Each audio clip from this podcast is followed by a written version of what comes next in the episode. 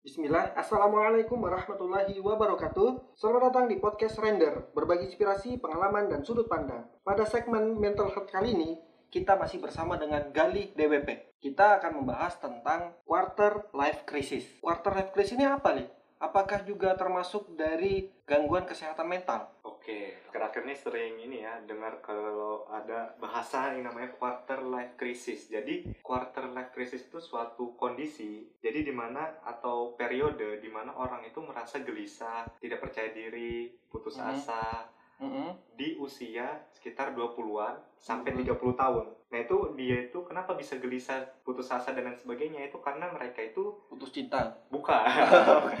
mereka itu seakan-akan nggak punya tujuan nih atau kayak misalnya dia itu masih bingung masih kebingungan dengan Heeh. apa yang harus dia capai di masa depan nih itu yang namanya krisis uh, quarter life crisis Jadi kondisi di mana seseorang itu kebingungan ya Tentang dia mau jadi apa, Heeh. dia mau ngapain Susan Gak jadi nyanyi. Kalau Susan ya mau jadi dokter lah ya. Susan aja nggak lifetime crisis ya. iya Jadi kebanyakan anak muda, khususnya kalian anak muda, ya mungkin kita sendiri pernah ngerasakan kan ya. iya Pernah ngerasakan atau sampai sekarang kita tuh ngerasakan bahwa kita itu kadang-kadang sampai pada suatu titik di mana kita sendirian Hmm, dan kita bertanya pada diri kita sendiri, sebenarnya kamu mau ke mana sih? iya. Kamu ngapain? Ah, Ya kan? Kegiatannya inikah kegiatan yang aku mau gitu Iya. kan apa ini? Kayak namanya kehidupan. pahit sekali Terus gimana kalau kita me- menghadapi lifetime crisis ini apakah ada hubungannya sama tentang kesehatan mental? oh iya tadi ya jadi sebenarnya quarter life crisis ini merupakan kondisi Heeh. yang bisa menciptakan gangguan-gangguan mental. Oh gitu. Iya, kegelisahan, terus Hmm. kayak misalnya perasaan putus asa, nggak tahu tujuannya ke mana. Itu semacam dia krisis identitas kan. Iya benar. Terus bisa aja dia mendapatkan tekanan-tekanan dari misalnya kan usia 20 sampai 30-an ini Iya. baru lulus kuliah. Masih Baru- unyu-unyunya. Iya masih unyu-unyu dan aku mau kerja di perusahaan bagus ah gitu kan. Tapi nggak tahu proses seleksinya itu sekeras apa Hmm. ya kan itu kan eh, bisa mengecewakan dirinya juga Nah, bikin dia stres terus juga bagaimana seseorang baru mendapatkan pekerjaan baru juga kan kayak Mhm. misalnya adaptasinya dan lain sebagainya mm, makanya di usia-usia gini juga kalau di perusahaan banyak yang ngerasa ih kerjaan ini memang inginku kah aku Iya. memang passionku di sini kah jadi memang banyak usia 20 sampai 30 itu turnover maksudnya turnover gimana? Eh, dia jadinya turnover ini maksudnya dia keluar dari pekerjaannya untuk mencari yang sesuai banget sama dirinya Loh padahal dia nggak tahu dia tujuannya itu sendiri dia masih mengalami quarter life crisis. yaitu coba-coba Coba-coba berhadiah ya. iya coba-coba berhadiah trial and error kayak Hmm. gitu Terus kalau misalkan nih kita teman-teman pendengar ini pada usia-usia yang menghadapi quarter life crisis itu di umur 20 sampai 30-an ya. Hmm. Pasti teman-teman pernah merasakan. Saya pun pernah merasakan, mungkin Gali juga pernah merasakannya. Nah, itu gimana sih supaya kita melewati masa-masa itu tuh gimana caranya supaya tidak mengganggu kesehatan mental kita di masa yang akan datang? Berarti intinya seperti tadi tuh, seperti yang definisi yang saya sebutkan sebelumnya, bahwasanya itu merupakan suatu kegelisahan yang diakibatkan dia nggak tahu nih tujuannya di masa depan itu apa.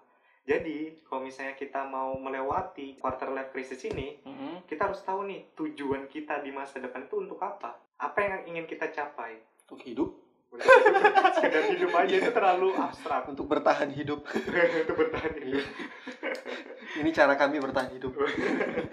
Jadi eh, tujuannya harus jelas untuk apa di masa depan itu. Makanya kalau misalnya orang-orang yang biasanya kena quarter life crisis dan dia sudah sampai stres dan lain sebagainya, ada satu terapi namanya itu fokus fokus saya lupa namanya pokoknya itu intinya terapinya itu memfokuskan orang itu pada satu tujuan yang spesifik. Hmm. Jadi dia eh, terapi itu kayak apa ya menggambarkan misalnya apa yang kamu eh, apa potensimu hari ini Potensi kita hari ini gimana tuh? Iya, jadi hari ini, saat ini, kamu itu punya potensi apa aja. Oh, kayak kita bikin semacam jurnal gitu ya? Iya, jadi aku Jurnal misalnya- catatan. Eh, ih, am- oh, bukan jurnal juga sih, tapi ya catatan sih. Jadi kayak misalnya satu, aku bisa ngomong di depan umum. Mhm. Itu itu salah satu potensi kan. Mhm. Apalagi misalnya, Saya bisa makan Indomie dua piring. wah ya, saya bisa mengangkat galon tanpa tumpah airnya.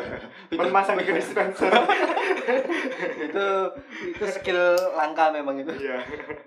Nah, seperti itu. Jadi dia harus bisa mendeskripsikan potensi dirinya. Habis itu, apa yang dia inginkan di masa depan. Jadi dia menargetkan satu tahun ke depan apa, lima tahun ke depan apa, dan 10 tahun ke depan itu apa. Jadi dia harus punya target Rencana spesifik. ya? Iya. Fokus spesifik. fokus spesifiknya itu apa? Kalau Itu- misalnya kita di dunia pekerjaan mungkin kita diajari ataupun di kuliah kita mungkin diajari dengan teknik SWOT Iya. dan lain sebagainya untuk eh, menentukan tujuan. Terus ada juga kan kayak fishbowl, Iya. terus apa lagi ya ya itulah pokoknya jenis-jenis metode-metode gitu nah tapi kalau yang terapi ini dia lebih apa ya fleksibel terus dia memang menggunakan unsur-unsur potensi pada dirinya dari orang itu yang mengalami quarter Hmm. life crisis Nah dari tips-tips menghadapi quarter life crisis tadi kan kamu Hmm. jelaskan bahwa kita tuh punya metode ya Mm-mm. kayak tadi hal-hal yang kita harus merencanakan sesuatu apa segala macam. Nah tapi gimana ya kebanyakan orang tuh kan nggak nggak melakukan hal kayak gitu. Dia tuh kayak apa ya kayak mengalir aja lah kayak air. iya Nah berarti kan dia da- padahal dia pada saat kondisi-kondisi yang genting ya Hmm. kondisi-kondisi yang menentukan eh, masa depan dia ke depannya bagaimana. Hmm. Tapi dia malah santai-santai aja. Nah itu gimana? Apa yang bisa berdampak pada dirinya? ya berarti kalau ketika dia biasa-biasa aja gitu tidak memiliki misalnya tuh orang bisa mencapai kesuksesan besar itu karena dia memiliki tujuan yang besar Iya betul. Nah, ketika dia biasa-biasa aja, otomatis di masa depan dia juga biasa-biasa aja. Ya mungkin ada keberuntungan lah, kalau misalnya dia Iya. tiba-tiba, Ada berapa persen dari penduduk yang iya, yang yang dapat keberuntungan misalnya tiba-tiba dua, mati? udah lah. Ada, hujan uang kah, dapat apa kah, misalnya gitu kan. Nah, mungkin eh, bisa lah berubah eh, untuk apanya masa depannya, untuk misalnya nasibnya bisa Hmm. lebih baik dalam artian lebih mapan misalnya kayak gitu tapi ketika orang-orang itu apa ya sudah krisis ide bukan krisis identitas maksudnya quarter life crisis dan dia nggak sadar Mm-mm. dia nggak berada di posisi itu dia pasti bakal apa ya masa depannya benar-benar flat biasa dan akan cenderung untuk menyalahkan nasib Oh gitu. Jadi iya jadi kegelisahannya yang di quarter life crisis ini akan Hmm. terus berlanjut apa sih yang kurang dari aku ah, eh, jadi dia kayak menyalahkan dirinya mulai menyalahkan dirinya mulai stres nanti Hmm. bisa lanjut ke depresi kan seperti yang kayak podcast Mas Sebelumnya. Randy sebelumnya gitu oh jadi dia nyalakan nasib ya. iya memang sudah nasib. eh, Kan?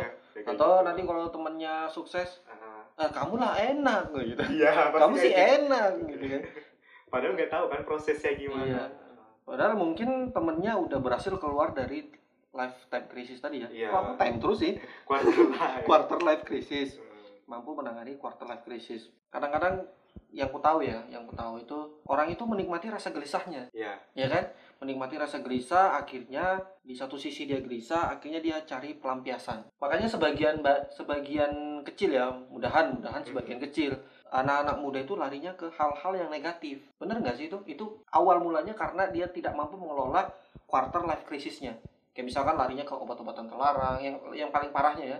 iya oke kalau misalnya kita ngomong tentang perilaku perilaku kayak gitu ya Mm-mm, sebenarnya itu mungkin bisa menjadi salah satu dampak ketika dia nggak bisa melewatkan melewati quarter life crisis. Jadi ketika orang-orang itu membutuh, ya benar, ketika dia stres, gelisah dan lain sebagainya dia memang dan dia nggak bisa melewati itu kan. Hmm. Jadi dia melampiaskan, Butuh pelampiasan. iya, agar dia bisa ngerasa kayak tenang sejenak lah, Iya. bisa enak sejenak gitu. Jadi ya itu bisa eh, dari perilaku perilaku menyimpang kayak gitu. Hmm. entah menggunakan minuman-minuman beralkohol dan lain sebagainya kayak Hmm. gitu jadi itu salah satu dampak negatifnya sih kalau orang itu nggak bisa melewati quarter life crisis Nah itu teman-teman penting banget buat kita untuk mengetahui kesehatan-kesehatan mental dan kondisi-kondisi yang menyebabkan gangguan-gangguan kesehatan mental. Salah satunya dari quarter life crisis. oh ya ini mas Gimana? ada lagi nih kita lupa bahas kalau misalnya quarter life crisis itu nggak sem- semata-mata muncul kan Iya. pasti ada mungkin orang ini nggak punya tujuan tapi kalau misalnya nggak ada trigger pasti Hmm. dia biasa aja nih maksudnya nggak terlalu memikirkan nggak stres dan lain Iya, sebagainya Santai, sans. iya sans saja kayak misalnya dia berada di zona nyamannya lah Iya. nah tapi pasti ada triggernya Apa itu biasa trigger? lingkungan Lingkungan gimana? Iya, atau stigma masyarakat juga bisa misalnya anak cewek ke usia 28 tahun masih belum nikah nanti jadi perawan tua loh misalnya kayak gitu Oh kayak judgement dari masyarakat gitu ya? Iya kan ih sudah lulus kuliah masa belum nikah misalnya kayak gitu nah itu yang menyebabkan dia semakin tertekan dan menghadapi quarter life crisis itu Oh. jadi kayak misalnya mending kalau misalnya ketika dia dapat tekanan seperti itu omongan-omongan tetangga yang manis seperti itu Yang manis ya? iya dia sesuai lah sama keinginannya tapi Iya. pas enggak ih aku masih mau nikah di usia 27 misalnya Hmm. misalnya kayak gitu pasti kayak apa ya berbanding terbalik kan Iya. apa yang tekanan dia dapat dari lingkungan terus dari dirinya kayak gitu kan nah itu juga bisa menyebabkan stres terus quarter life crisis tadi itu Jadi peran lingkungan dalam memperparah kondisi quarter life crisis ini penting banget ya. iya makanya lingkungan itu benar-benar menjadi utama lah faktor utamanya juga quarter life crisis ini kayak misalnya ih sudah kuliah eh sudah lulus kuliah kok masih nggak dapat kerja Eh, sudah S1 kok markir aja. Iya, atau misalnya kerjaannya kok misalnya gitu-gitu aja, admin aja, padahal S1 gitu. Iya. Bisa kan itu yang menyebabkan, "Is, iya kak, ini kan passionku, misalnya gitu Hmm. dalam segi pekerjaan. Terus, ih masa kerja gajinya itu aja S1. Nah, ada juga kan yang kayak gitu. Iya benar-benar. Nah, hal-hal yang seperti itu yang membuat dia semakin eh, merasa, is bener kayak ini tujuanku, ini apa. Jadi bimbang gitu loh. Ya, jadi teman-teman quarter life crisis ini selain adanya uh, usaha untuk bangkit dari dalam, ternyata juga ada pengaruhnya pihak-pihak eksternal, ya kan? Hmm. Ya, lingkungan lingkungan terdekat kita lah lebih dulu ya kan. Misalkan apa ya kebanyakan juga tidak kebanyakan ya mungkin sebagian dari orang tua di luar sana yang kurang memahami tentang kesehatan mental akhirnya sering membanding-bandingkan anaknya dengan anak orang lain mungkin itu jadi termasuk kondisi memperparah ya Iya benar. Nah, mungkin kalau ketika kita punya orang tua seperti itu mungkin bisa di apa ya, bisa dikasih arahan, pemahaman tapi tetap dengan santun, Iya. dengan tidak seolah-olah mengajari, tetap ada apa ya, adab adab kepada orang tua gitu ya. Iya, karena pada dasarnya kan setiap orang itu punya tujuan yang berbeda-beda. Ya, Ya punya jalannya masing-masing lah. Mm-mm, Jadi punya kenapa- jalan ninjanya masing-masing. Anjir, quarter life crisis adalah jalan ninjaku. Dan kayak gitu juga ya. Jadi jangan khawatir sih kalau misalnya di masa depan ini kita bakal nggak dapat apa-apa. Pasti Hmm. kita bakal dapat sesuatu, tapi yaitu kita harus punya tujuan yang spesifik dan setiap orang pasti berbeda-beda. Nah, makanya ini penting juga bagi kita untuk belajar agama. Kenapa? Karena di dalam agama itu kita dijelaskan secara terang benderang ya. Karena ilmu agama itu kan ibaratnya cahaya. Nah, yang tadinya kita mengalami quarter life crisis, kita nggak tahu kita harus bagaimana, kita harus apa, kita nanti mau ke mana. Nah, ternyata di dalam agama itu dijelaskan nih. Itu ada tiga pertanyaan besar tentang kehidupan. Dan setiap masing-masing manusia, individu, itu wajib mempertanyakan kepada dirinya sendiri. Apa itu pertanyaannya? Kita dari mana, mau apa, Hmm, dan nanti mau ke mana? Itu kan pertanyaan besar yang juga dialami oleh orang-orang yang punya masalah dengan quarter life crisisnya tadi kan. Nah, ketika-ketikanya telah dijawab kita dari mana, kita nanti di dunia mau apa, nanti di akhirnya kita mau ke mana. Inilah teman-teman. Ya aku nggak jelaskan di sini ya karena terlalu panjang. Teman-teman boleh mencari kajian-kajian di sekitar lingkungan teman-teman sendiri. Bisa carinya di internet. Tapi lebih utama itu talaki langsung ke guru. Talak itu kayak ikut datang ke kajian langsung langsung gitu loh. Ya tapi mungkin setelah masa corona ini berakhir ya. Karena ketika ada pertanyaan-pertanyaan bisa langsung cepat dijawab. Berbeda sama YouTube kan kita nggak bisa nanya. Hmm. Paling komen. Untung-untung dijawab ya kan. Hmm. Nah apalagi tentang life crisis yang mau kamu sampaikan ya. Jadi sebenarnya kalau orang yang sadar dengan quarter life crisisnya itu bagus banget. Dia jadi semacam pemacu tadi. Kalau misalnya "Ih, ini bener nggak ya tujuan saya di masa depan nih, gitu. Pasti dia bakal memikirkan itu dengan baik, dengan matang-matang. Berarti semakin itu. cepat sadar, semakin semakin baik ya. Iya. Sadar tentang quarter life crisis. Jadi nggak semuanya buruk sih tentang quarter life crisis ini. Karena semua orang pasti melewatinya ya. Iya. Kecuali meninggal di umur 10 tahun. Iya.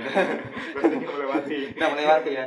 Tapi kalau masuk ke area-area remaja, lulus-lulus SMA, itu kan masa-masa di mana kita mulai membandingkan diri kita dengan orang lain. Iya benar. Ya kan? Apalagi dengan ditambah dengan pengaruh dari eksternal, keluarga, lingkungan, mulut orang lain, gitu ya. dibandingkan kita dengan orang lain itu menambah memperparah kondisi life crisis kita ya. Ya itu aja teman-teman. Jika ada pertanyaan seperti biasa silakan cantumkan di kolom komentar di Instagram saya. Nanti linknya saya taruh di bio. Sekian pembahasan quarter life crisis. Sampai berjumpa di podcast selanjutnya. Wassalam.